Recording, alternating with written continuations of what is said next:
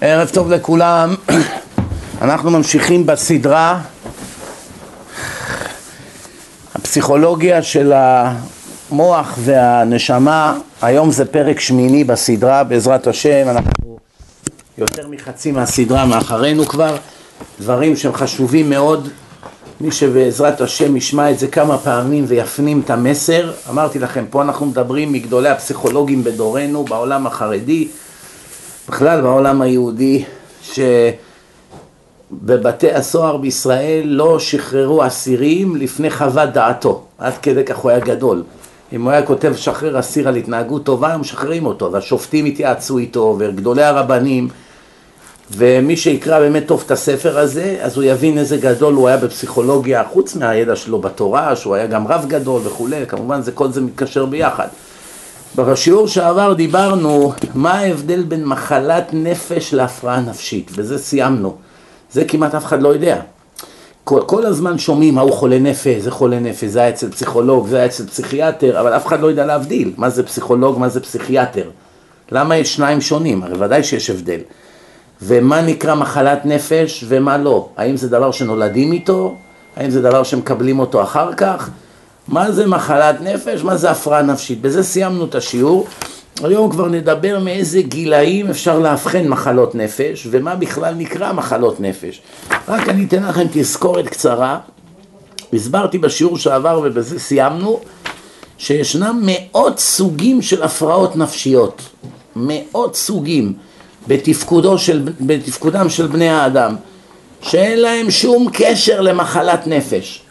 זאת אומרת הפרעות נפשיות זה דבר לחוד ומחלת נפש זה דבר לחוד.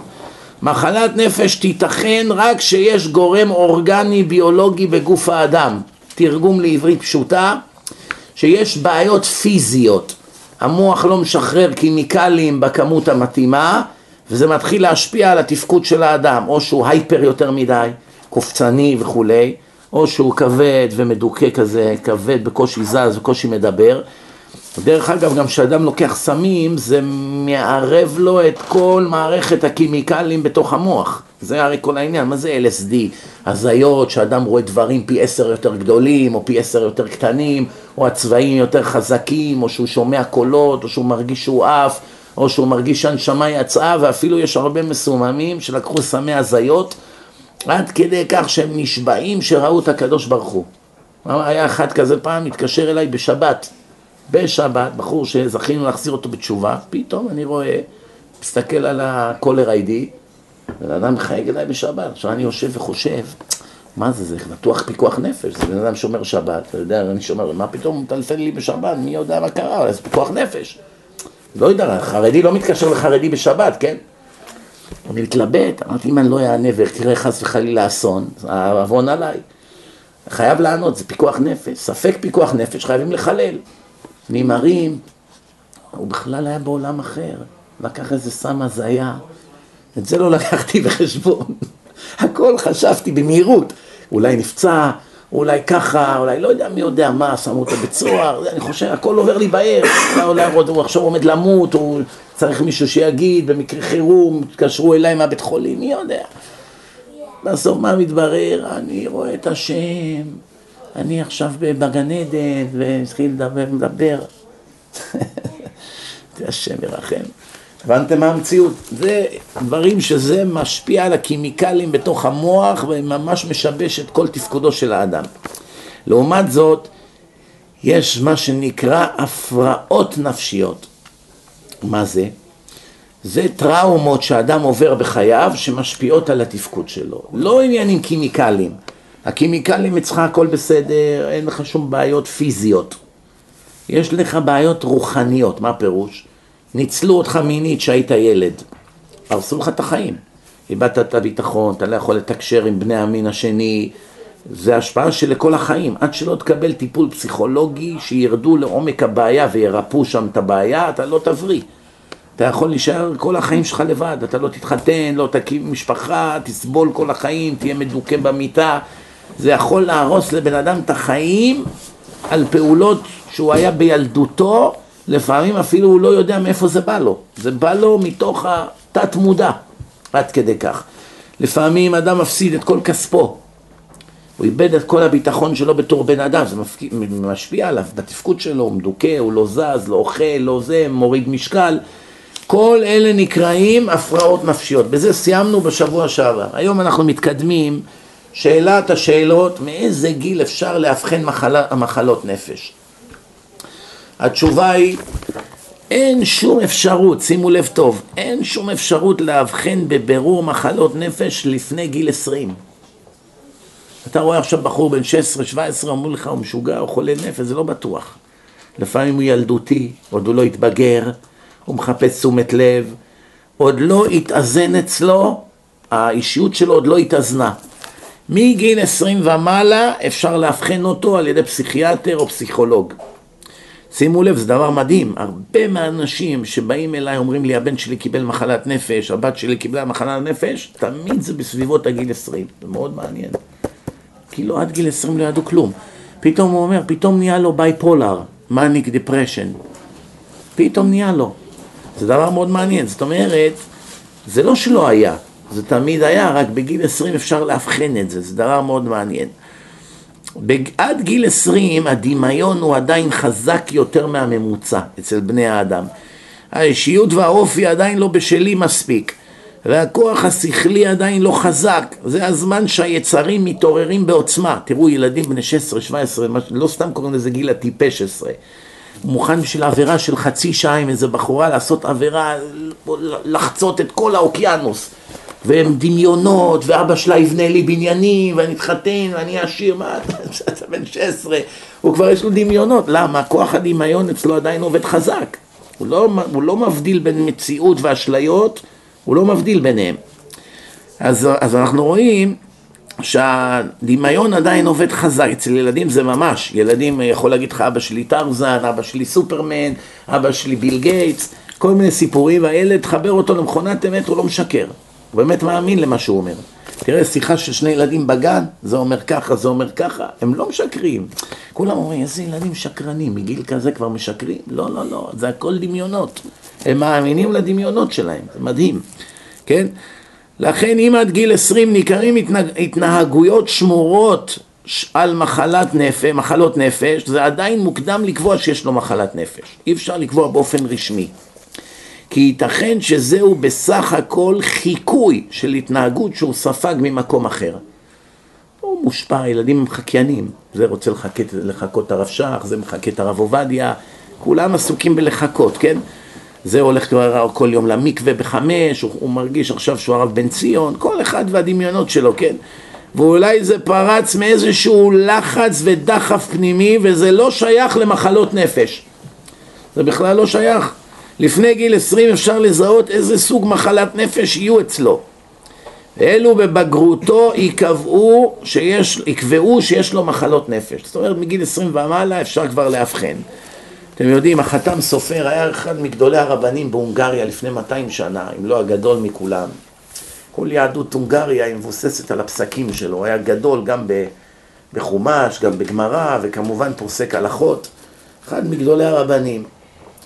הוא מגדיר עכשיו בספרו מהי ההגדרה בחז"ל שנקרא שוטה. חז"ל אומרים חירש, שוטה וקטן הם פטורים. הם עושים נזק, ילד קטן, עכשיו לקח איזה לפיד, היה פה לפיד בתוך קערה עם אש, הילד בא, משל הוריד את זה, הלך שרף בית. מיליון דולר נזק. אפשר לתבוע את הילד? אפשר להעניש אותו? אי אפשר להעניש אותו. מי אשם? זה שלא שמר עליו, שלא שמר על האש. באים למישהו אחר, אבל הילד לא בא עם תלונות בכלל, אין לו משפט. מי שחירש, חירש ואילם הכוונה. לא החרשים של היום שכבר כותבים, עורך דין כבר. זה כבר משהו אחר, אלה שפויים. אבל מי שהוא גם חירש וגם אילם, פירוש אין לו קשר עם העולם. ועוד אז בימיהם, הוא לא שומע כלום ולא יכול לדבר כלום. כי בלי לשמוע קשה ללמוד לדבר. איך אפשר, איך ילמד לדבר אם הוא בחיים לא שמע קולות? אז הוא מנותק מן העולם, ככה הוא בדממה כל הזמן. הוא רק רואה תמונות, הוא לא שומע, לא מדברים איתו, הוא לא יודע מה זה מצוות, מה זה ברוך אתה השם, כלום. איך הוא ישמור מצוות אחד כזה? אז הוא לא, אז הוא פטור, אז אי אפשר, אז הוא שותה, כן, הוא בגדר של חוד, כביכול שותה. ויש שותה ממש, שותה, בטית, מה שנקרא בימינו אהבל, זה לא מדויק. מה זה אהבל? אחד שהוא לא הכי גאון, לא יודע, מתמטיקה, אני יודע מה, הראש שלו לא קולט מהר.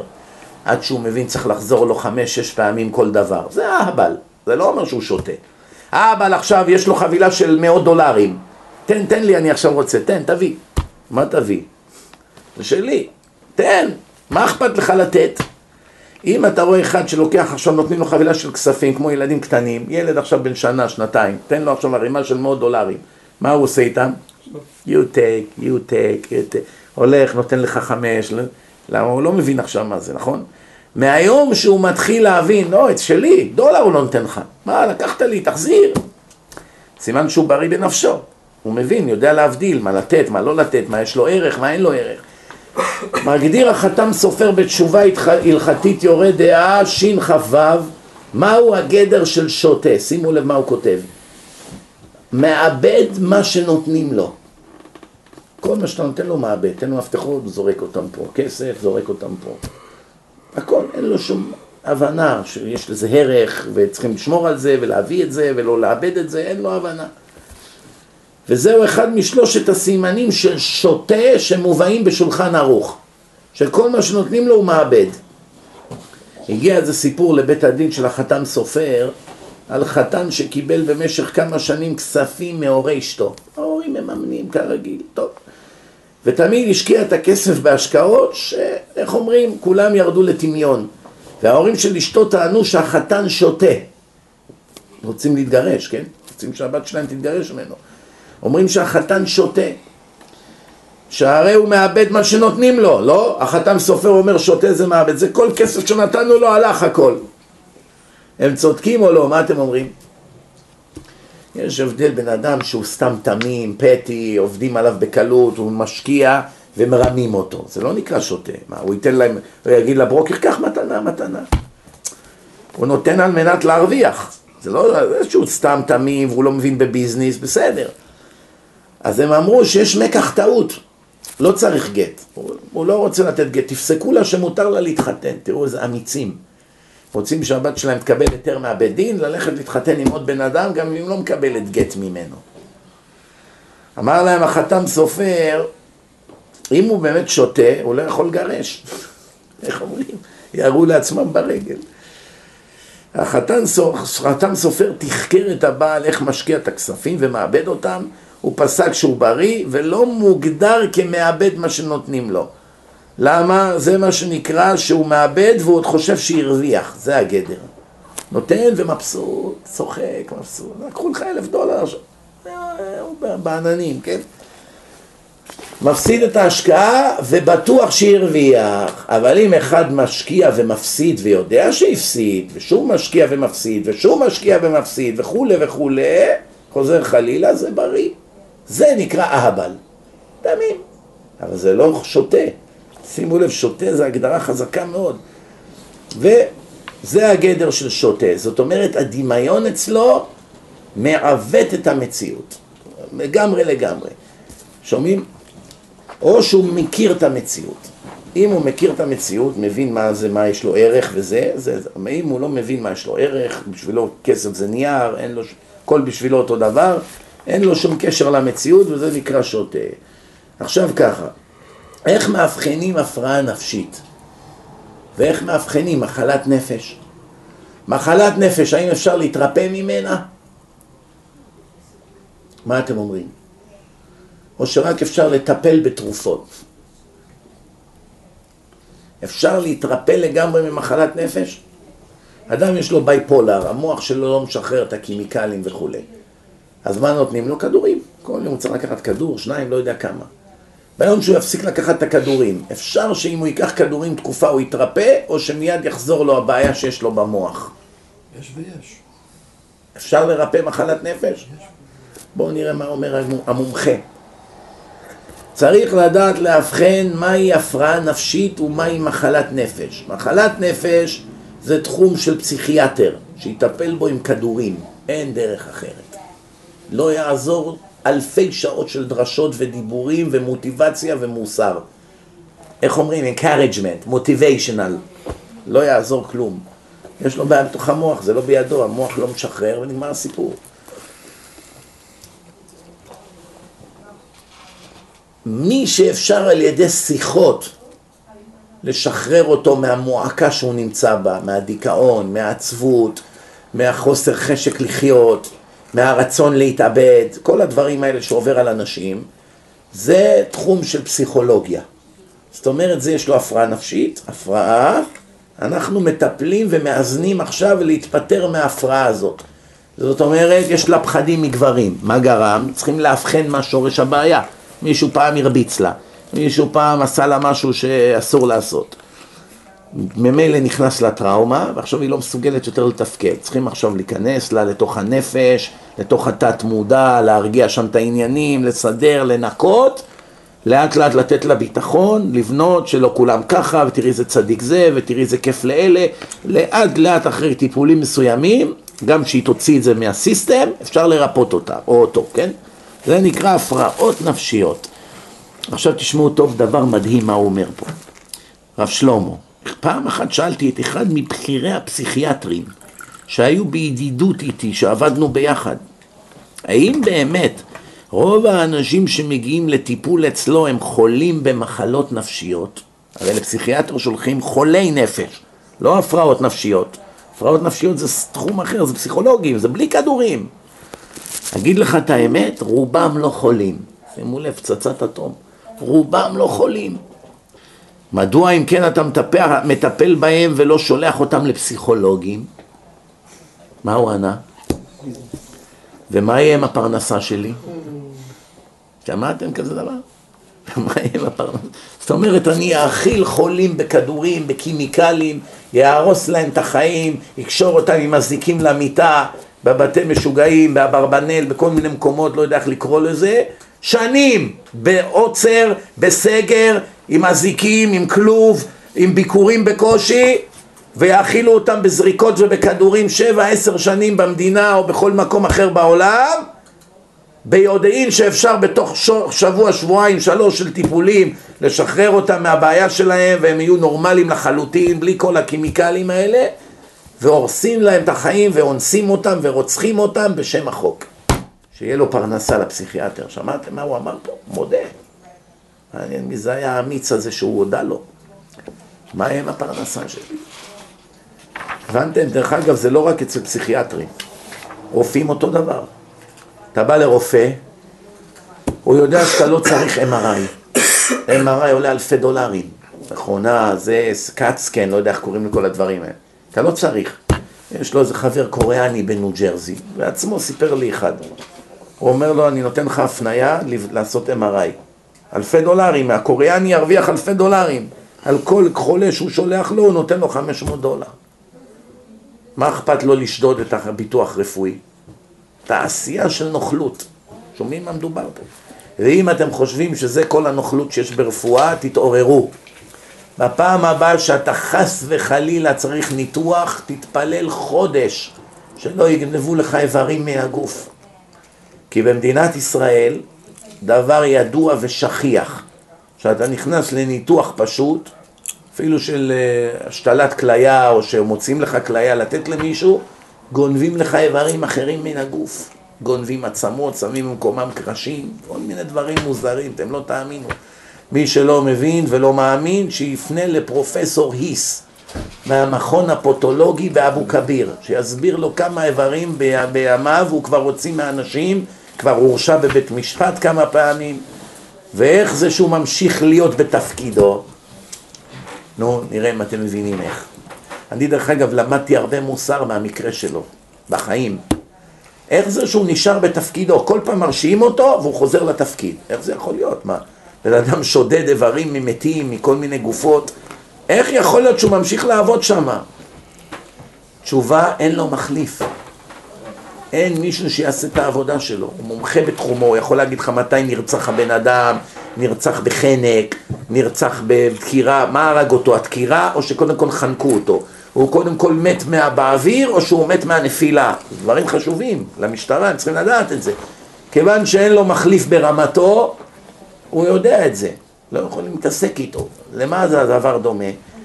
גם בעולם התורני זה ככה. יש אנשים יודעים שאין להם מחליף, אז הם מרשים לעצמם קצת יותר מדי מה לעשות. מי יתעסק איתי? מה, יש מישהו שיכול להחליף אותי? אם אני עוזב הם אבודים. זה יכול להיות בישיבה, זה יכול להיות בהחזרה בתשובה, זה יכול להיות בכל מיני דברים. מלמד במקום, הוא יודע שאם עכשיו הוא עוזב, המקום נסגר, נגמר הסיפור. כיוון שבן אדם מרשה לעצמו ויש לו ביטחון כביכול, כוחי ועוצם ידי, אין לי מחליף, לא מתעסקים איתו. זה לצערנו הרב ככה. הנה דוגמה אצלנו, בן נתניהו. כמה שרצים נכנסים לו לקופה כל שבוע, כבר שנים. אין לו מחליף. כל אלה שמסביבו, מי יכול לנהל את המדינה? אתה מבין? אתה יכול להגיד זה נבלה, זה טרפה, תגיד מה שאתה רוצה. תכלס, אין לו מחליף. מה שהוא יודע לעשות, האחרים שמסביבו, אלה כל הצעירים, הם לא יודעים לעשות. נתקדם עוד קצת, כי זמננו אוזל. ביקורת חיובית וביקורת שלילית, זה חשוב מאוד לדעת. כשהילד עושה משהו לא בסדר, יש לך ילד, הוא עושה משהו לא בסדר, הרבה מההורים מה אומרים לו? אתה ילד רע. לא, לא, לא, אתה ילד רע. מגיל קטן. כמה מאיתנו אמרו לנו את זה? אתה מושחת. ילד בן שש, שבע, עשר, גנב למישהו ממתקים, לא יודע מה. נתן סטירה למישהו. מה אומר לו אבא שלו? מושחת שכמוך. שייגץ. שמעתם את זה או לא? שייגץ. הילד מתחיל להאמין בזה והוא מפנים את זה. כולם אומרים שאני רשע, אני מושחת. אני גנב, אני טיפש, אני הכל מה שאומרים, כן. וככה ההורים מרגילים אותו שהוא לא שווה כלום, והוא בתוך ליבו מיואש. יש סף ייאוש, גם לילדים. במילים אחרות, אני כבר במילא מקרה אבוד. ואומר לעצמו, אם אני כזה מושחת, אז מה כבר אני יכול לעשות בנידון? אין לי במילא מה. ואז הוא פורק לגמרי עול. עד עכשיו הוא היה 50-50. 50 אחוז צדיק, 50 אחוז רשע. עושה מצוות, עושה עבירות. עושה, הולך עוזר לאיזה זקן לעבור את הכביש עם הסלים, חמש דקות אחרי זה נתן סטירה לילד. פה הוא עזר למישהו, הלך אני יודע מה, וזה, וניקה, ו- ו- ורץ, והביא, ואחרי חמש דקות גנב משהו. ניגודים. עכשיו יש לך הזדמנות לבנות אותו. תכף נראה איך עושים את זה. הכי מסוכן הכי הכי מסוכן זה לבוא אליו בקרידסיזם, אבל שלילי. למה אתה כזה גנב? איך אתה לא מתבייש? למה אתה כזה טיפש? למה אתה תמיד צריך להיכשל בבחינות? איך יצאת ככה? למה קיבלתי כזה עונש משמיים? כל הדברים שאני שומע מאנשים במשך השנים. אתה רוצח אותו בדם קר, רבותיי, ידונו אותך כרוצח. זה לא פשוט, רצחת את הנפש, זה לא צחוק. אנשים חושבים שאם יטיפו מוסר הם יפחידו את הילד וישברו אותו בכדי שהוא ישתפר. נשבור אותו בכוח. כמה אנשים באו בחרו לי פה לדבר עם בעלי, רוצה לזרוק את הילד לרחוב מהבית. זרוק אותו לרחוב בחורף. ילד קטן, עשר, אחד עשרה, שתיים עשרה. יזרוק אותו לרחוב, שיגור בפחי זה ולא יודע איפה. והוא האמת, והאמת היא שהילד מפנים את הביקורת בצורה שלילית. הוא אומר לעצמו, אם אני כזה גרוע, מותר לי כבר הכל, אני כבר אבוד, יגנוב, ירצח, ישדוד, ייקח סמים, פתאום הוא נהיה הגנגסטר של השכונה. מה הביא אותו לנקודה הזאת? כבר לא היה לו מה להפסיד. אותו דבר בהחזרה בתשובה או בשיחות מוסר, צריך בלנס. מה הפירוש? אם אתה רק מצועק, רשעים, מושחתים, גנבים, כולכם לגיהנום, תתביישו לכם. כל הזמן, כל הזמן. אז אנשים שמקשיבים לזה כל הזמן, מה אומרים בסוף? בוא'נה, תשמע, הוא צודק. אני ככה, ואני ככה, ואני מחלל שבת, ואני גנב, ואני נואף, ואני זה, ואני זה, ואני זה. אין לי בכלל תקנה! מה אני בכלל אוכל את הלב? אני ממילא אבוד. בום! זורק את הכיפה לפח, פתאום נהיה לך איציק עם הגיל, בשנקין, מסתובב ברחובות, בלי חולצה, תל אביב. מה קרה? עזוב, הדת לא בשבילי, מלחיץ. אדם פיקח, הוא צריך לתת 80% מחמאות, לדבר על החיובי, ו-20% איך אומרים? חייבים לתת מוסר. הוכיח תוכיח את עמיתך, אנשים עושים עבירות קשות עם עונשים קשים, אתה לא יכול להתעלם מזה, כן? אבל אם רק על זה תדבר, רק על זה תדבר, מצבך אנוש, אתה הורג את האנשים, אתה מייאש אותם. לכן אני אמרתי לכמה מהאנשים שהם מאוד נפיצים היום באינטרנט, על פגם הברית, כל הזמן פגם הברית, פגם הברית, האבוד, אין לך תקנה, הזוהר אומר אתה לא יכול לחזור בתשובה, מי שעשה את זה הוא רוצח, הוא רוצח המונים, אה? כמה אנשים צעירים עכשיו, הם פוגמים בברית, הם חילונים, הם מתחילים לחזור בתשובה, אין מציאות שהם לא פגמו ולא ימשיכו לפגום. אלא מה, מרוב שמייאשים אותם, תעבוד, תעבוד, תעבוד, פתאום מה קורה? כבר השבת שהוא התחיל לשמור, דברים ש...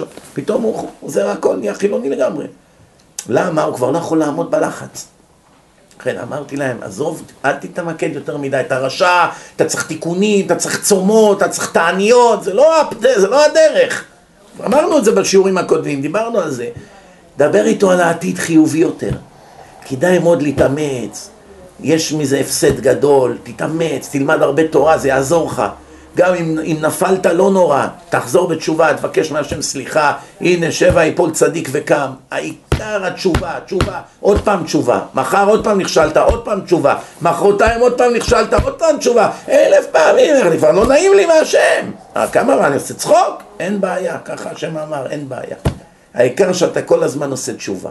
נמצא שיוצא שבן אדם שעשה אלף פעמים תשובה על אותה עבירה, אלף פעמים חזר, מכוח תאווה פיזית, הוא עדיף על בן אדם שלא עושה תשובות בכלל. אפילו אחד שעושה פחות עבירות. למה? כי זה כל פעם שעשה עבירה מיד חרה לו. בום, הולך לתקן, מבקש סליחה, בוכה בתפילה, תעזור לי, לא נעים לי, מחילה, אני מרגיש רע עם עצמי. השם אוהב את זה. סימן שבן אדם יש לו שיפוט עצמי, עושה דין עם עצמו, מוסר.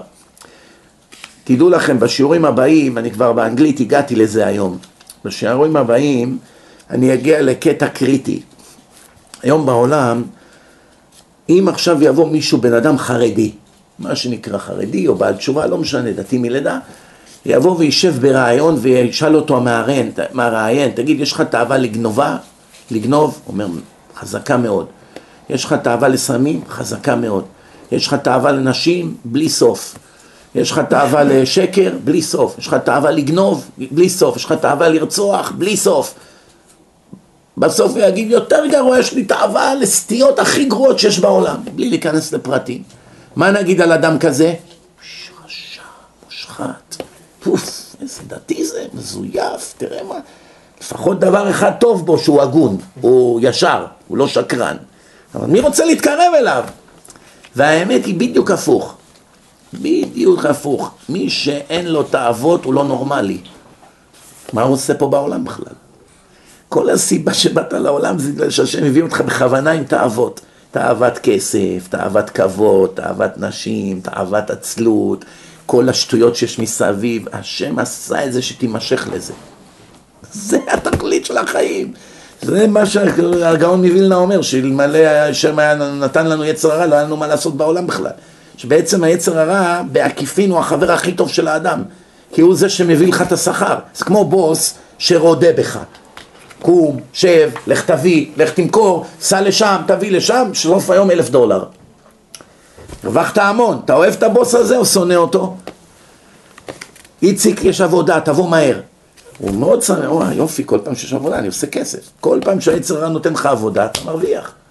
נכון שאתה יכול גם לא ללכת ולא לעבוד ולהיכשל ולישון במיטה ותפסיד.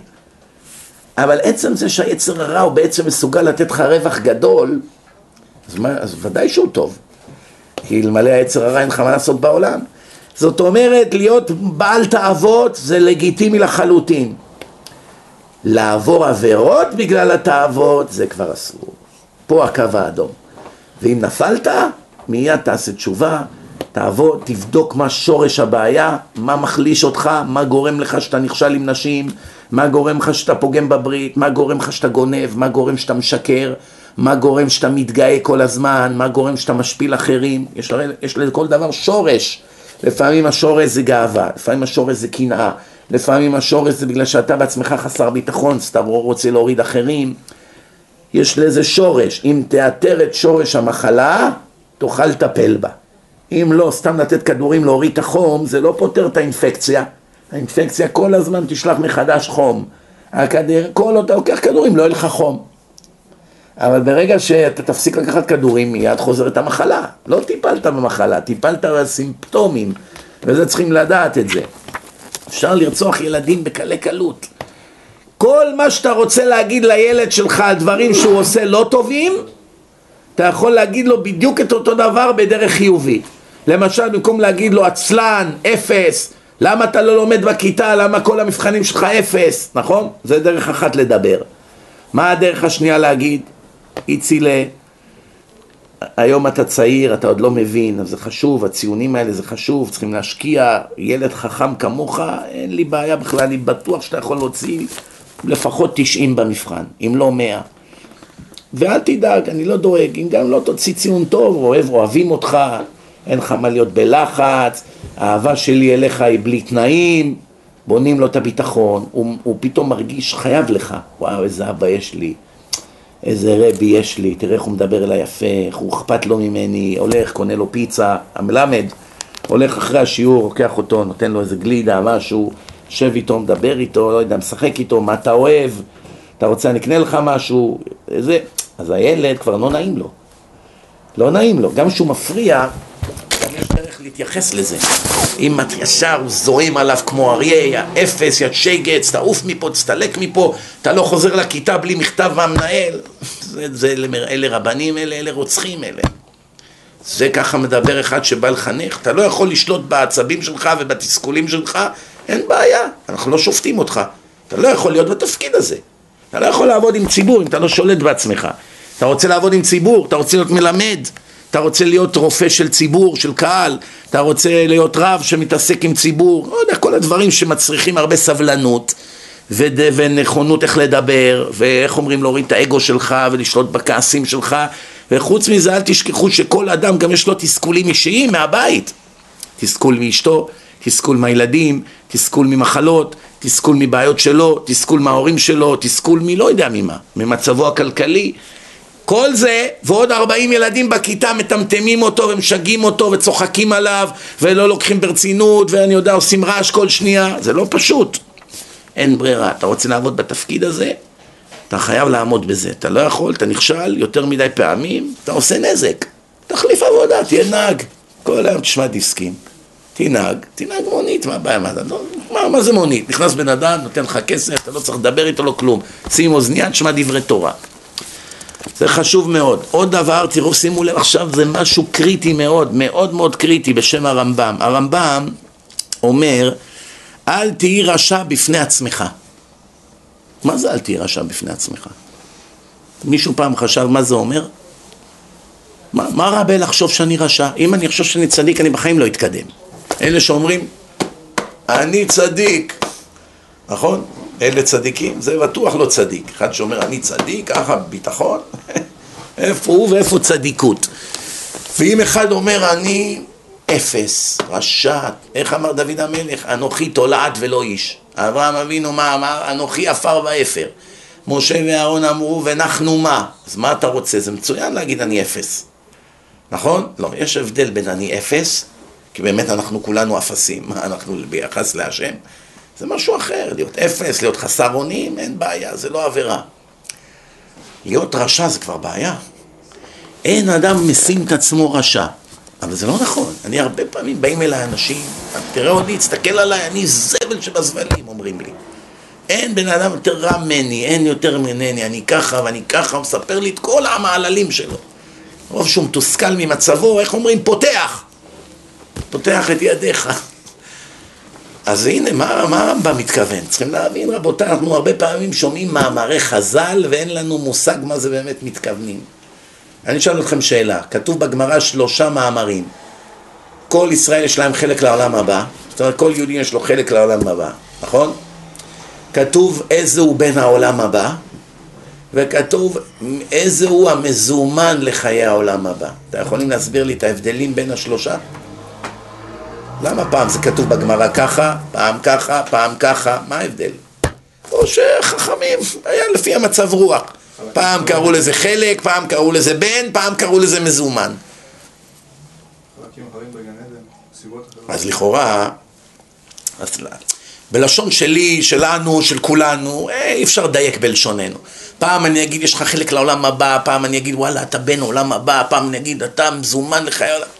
אף אחד לא יגיד, הרב התכוון פעם ככה, פעם הוא התכוון לככה, וגן עדן עליון, גן עדן תחתון, כאן, מי מדייק? אנחנו יודעים שאנחנו לא דייקנים בלשון, אבל חז"ל, במיוחד חכמים, אין מילה שיצאה להם מהפה שהיא לא הייתה סופר מדויקת.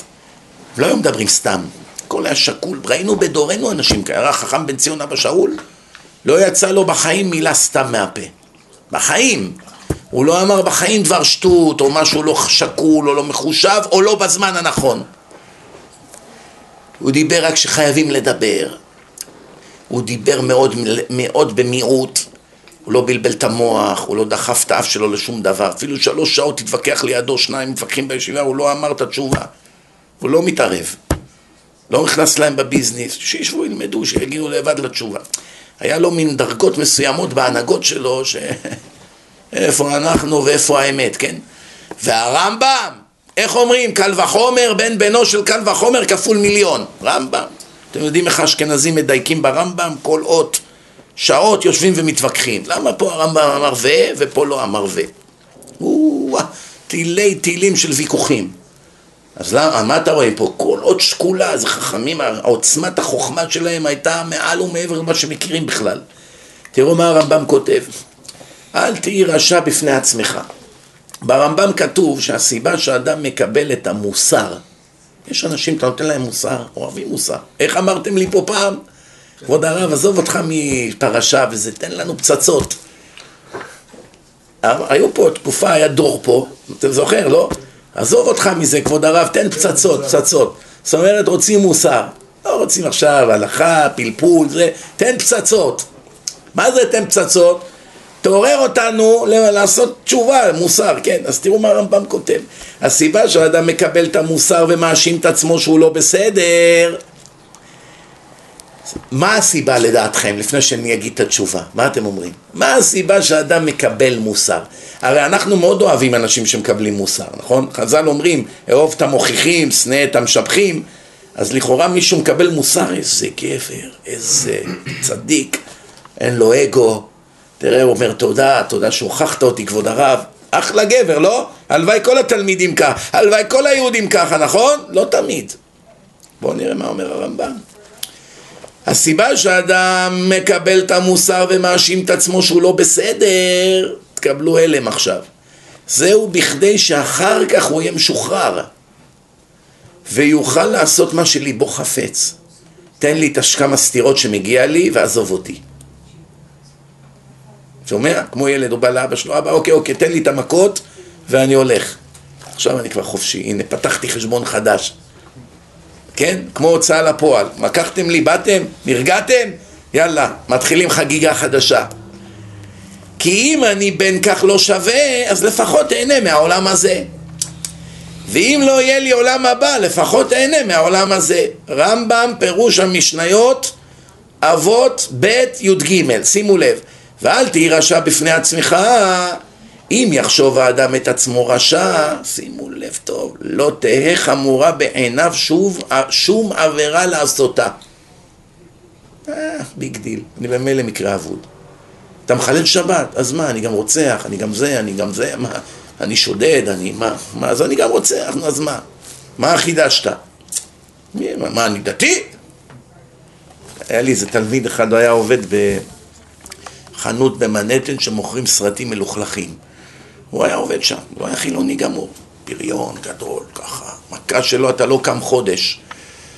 יום אחד בעוונותינו הרבים נכנס לשם איזה חרדי, אם אפשר לקרוא לו כזה דבר. אמרתי לכם, לכולם יש תאוות. כשאדם נופל בתאווה מלוכלכת, זה לא אומר שהוא לא חרדי. זה ישר פוסלים אותו. זה שייגץ, שקרן, ש... כולו שקר. לא נכון. הוא לומד תורה, הוא שומר שבת, הוא אוכל כשר, הוא עושה חסד. יש הרבה דברים טובים שהוא עושה, יש לו תאווה ללכלוך הזה. ובזה הוא נכשל. אם תשפוט אדם על משהו שהוא נכשל בו, לא תמצא אחד צדיק בעולם. אחד כעס, אחד קנאה, אחד פוליטיקה, אחד שקר, אחד כסף, אחד נשים. כל אחד תמצא בו משהו. אני אומר לכם, אין, אין, קשה מאוד למצוא אחד שאין בו כלום. בודדים, באחוזים קטנים מאוד. אומר לך, שים לב, אז הבחור הזה נכנס לו איזה אחד, צעיר, בגיל 18, 20, לא יודע כמה הוא היה. אומר לו כמה זה עולה, כמה זה עולה. אומר לו, יש בפנים דברים מיוחדים, בוא אני אראה לך. הכניס אותו עכשיו, זו חנות לקוחות, כל מיני גויים. הכניס אותו בפנים, תפס אותו כאן, ואני אומר לכם, בריון זה בריון. הדביק אותו לקיר, אומר לו, תשמע, נובל, עוד פעם אתה תבוא לפה, אני הורג אותך, אני חונק אותך למוות. הוא לא הבין, הוא עדיין לא מבין שזה יהודי. החסיד הזה, הוא בחיים שלו לא ראה, זה אדם שנראה כמו גוי והוא בכלל יהודי, אתם מבינים? הוא לא רגיל. מה אכפת לך? אומר, מה, אני באתי, אני קליינט. מה אכפת לך שאתה כל כך מתעצבן? אתה לא אמור לי, למכור לי? אומר למכור לך, אני תכף אהרוג אותך, אתה לא מת... גם אני יהודי. אומר לו, אתה יהודי? איזה מין יהודי אתה? כאילו כיפה, אין לך פאות, אין לך זקן. אומר לו, ואם אתה יהודי, אתה נותן לי מוסר, ואתה כל היום פה. נתן לו, איך אומרים? אמר לו, אני חילוני. כאילו, מה אתה מתפלא? מה, אתה מצפה ממני לא להיות פה? מה, מה לא בסדר? זה החיים שלי, איך אומרים? מה שבא לי אני עושה, בלי דין, בלי דיין, בלי כלום. אבל אתה לובש את כל המדים, אתה כאילו בצבא של בורא עולם, ואתה נכנס לפה, אני, אני אהרוג אותך. הבנתם את הנקודה? זאת אומרת, בואו נסתכל על זה עכשיו, קודם כל זה טוב מאוד שהוא נתן לו מוסר והפחיד אותו, אולי בזכות זה הוא כבר לא יעשה עבירות יותר, אולי. אבל בואו נסתכל הפוך רגע. ומי התיר לו להיות שם? מה התיר לו? אני כבר מקרה אבוד, איך אומר פה? אני רשע כבר. אז אני מותר לי גם לעבוד פה, ואין שום בעיה, ואין חילול השם, ואין כלום. הבנתם? זה הרמב"ם אומר. לא תהיה חמורה בעיניו שום עבירה לעשותה, מכשיחשוב האדם עצמו חסר ופחות, כאילו אני אפס בלשון שלנו, לא יגדל בעיניו חיסרון שיעשהו. אפילו יעשה את העבירה הכי חמורה, זה כלום בעיניו. טוב, נו, איך אומרים? bad luck. לא נורא. רצחת מישהו באינטרנט הרגע, כתבת תגובה שלילית, שקרים, עלילות, אלפים קוראים את זה, מאמינים, זה יפגע בו, תרומות, בעיות, לא יזמינו אותו, לא ידברו איתו, לא יתחתנו איתו, הילדים שלו, יש לזה השלכות חמורות ביותר, חמורות, לפעמים יותר גרוע מלהרוג בן אדם בידיים. לא מזיז לו בכלל, חייך, צוחק, איזה דתיים מטומטמים, קורא, משווה את זה לרצח. אם באמת היו מראים לאותו אחד שכתב עכשיו תגובות באינטרנט מה ההשלכות של מעשיו עד סוף הדורות, על המקום, היה קופץ מהחלון והורג את עצמו. על המקום. שיהיה החילוני הכי גדול. כי גם לחילונים יש סף, יש קו אדום של כמה הם מוכנים לרדת נמוך. זה אני לא אעשה. נכון או לא? כמה חילונים יגידו לך, חזיר אני לא, לא אוכל, אבל אתה עושה עבירות פי מיליון יותר גרוע מחזיר. חילול שבת, זה, עבודה זרה, גנבות, לא יודע. חזיר, נו, זה עבירה חמורה, אבל יש עבירות הרבה יותר חמורות. חזיר, תהרוג אותי, אני לא נוגע. ולפעמים באמת הוא יהיה רעב, כל הטיסה הוא יישב, הוא, הוא לא הזמין אוכל כשר. החילוני סובל 11 שעות בלי אוכל כשר ולא אוכל. ואחרי זה הוא יורד והולך לחלל שבת כל השבת, איסורי כרת 5,000 פעם בשבת. אז מה אתה רואה מפה? ואומר הרמב"ם, זאת אומרת, הסיבה שהתנא אומר לך לא להיות רשע בעיני עצמך, זה סכנה גדולה. עדיף שתסתכל על עצמך חצי חצי. אני גם צדיק, גם רשע. חצי חצי. בינוני. זה בסדר. אז יש לך עוד למה להשתפר. מצד שני, לא תתייאש. שומעים? אם תתייאש, תעבוד. אם תגיע לגאווה, אני מושלם, לא תתקדם. אני חצי חצי. משום שכאשר האדם מרגיש שהוא רשע זה גורם לו להתיר לעצמו לעשות עבירות מתוך ייאוש. אני אבוד כבר. אבל אם הוא לא יחשוב שהוא רשע, אז יהיה חייב להיזהר ולהתאמץ לעשות טוב. למשל, למה הדבר דומה? אבא עשיר, יש לו כמה בנים.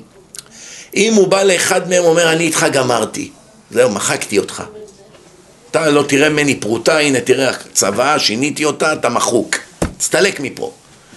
מאותה שנייה אין לבן מה להפסיד יותר. אם עד עכשיו הוא שיחק אותה דתי, בשביל האבא הוא שמר שבת, הסתובב עם כיפה וציצית, סוף כל סוף זה מצוות, לא? שם תפילין כל יום. למה? הוא לא רוצה שאבא שלו יכעס עליו עד כדי כך שימחק אותו לגמרי. זאת אומרת, כל עוד יש תקווה לקבל חלק מהירושה, הוא משתף פעולה בעל כורחו. ברגע שאבא מחק אותו, מה קורה? יורד ומדרדר לשפל המדרגה. בואו נסיים בדבר האחרון להיום. הרמב"ם בשמונה פרקים אומר שהסיבה שאדם מעריך את עצמו פחות ממה שהוא זה לא נובע מפרומקייט. אתם יודעים מה זה פרומקייט? שמעתם פעם את הביטוי יידישקייט? מה זה יידישקייט? יידיש זה יהודי. קייט זה כאילו, איך אומרים, איך נקרא לזה מילה בעברית? יידישקייט, זאת אומרת מסורת יהודית, כאילו, תכונה יהודית, כן? פרומקייט, פרום זה דתי. זה לא מתוך זה שאתה יותר מדי דתי, צדיק, איך אומרים? אתה לא ממש צדיק, אלא מעצלות. הנה נכנס מימד חדש פה עכשיו. הסיבה שאדם מעריך את עצמו, אני כלום אני, אני טיפש. I'm stupid, אבא, I'm stupid. איזה ילד בא אומר לאבא שלו, אבא, I'm stupid, leave me alone.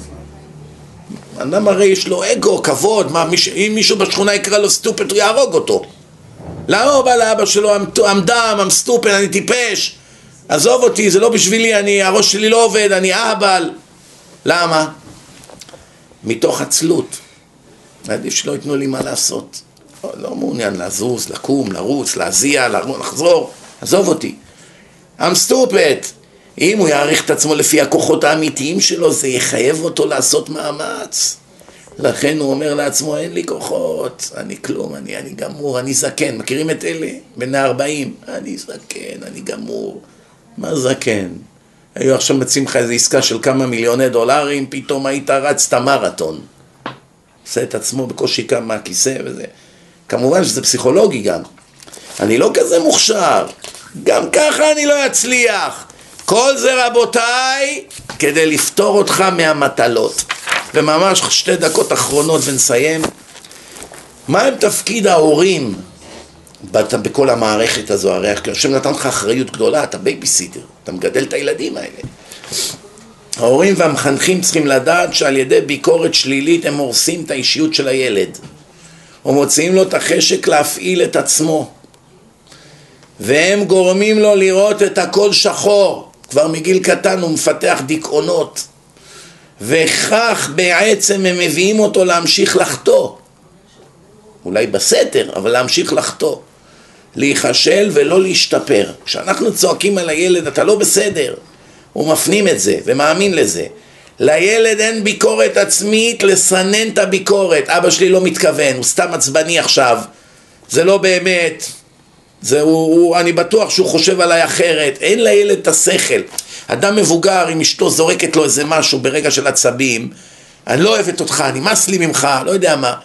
הוא יודע בתוך תוכו שזה שטויות, מה לפני שעה היא השתגעה עליו, עכשיו פתאום היא רוצה כבר... אה, יש, אתם יודעים, שאישה אומרת לך, I want to get divorce! סימן, אני רוצה להציל את הנישואים. מה שזה אומר, כן? אז הילד הוא לא מבין את זה. הוא לא מתוחכם כזה להגיד, מה אבא שלי עכשיו אומר לי כאלה דברים? אה, זה בגלל שהיה לו יום קשה בעבודה. הוא לא מבין.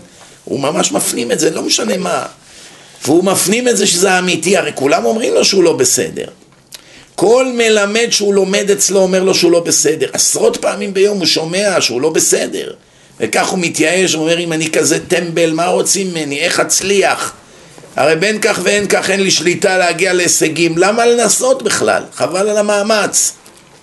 וכך הוא משכנע את עצמו שאין לו סיכוי להשתנות, ולמה לסבול? לפחות אהנה מהעולם הזה, ואז הוא זורק מעצמו את הכל, את הכיפה, את הציצית, שם עגילים, מורד בחברה, מורד בהורים, יושן ברחובות, מדרדר לסמים, שודים, בתי סוהר, מה לא? שומעים?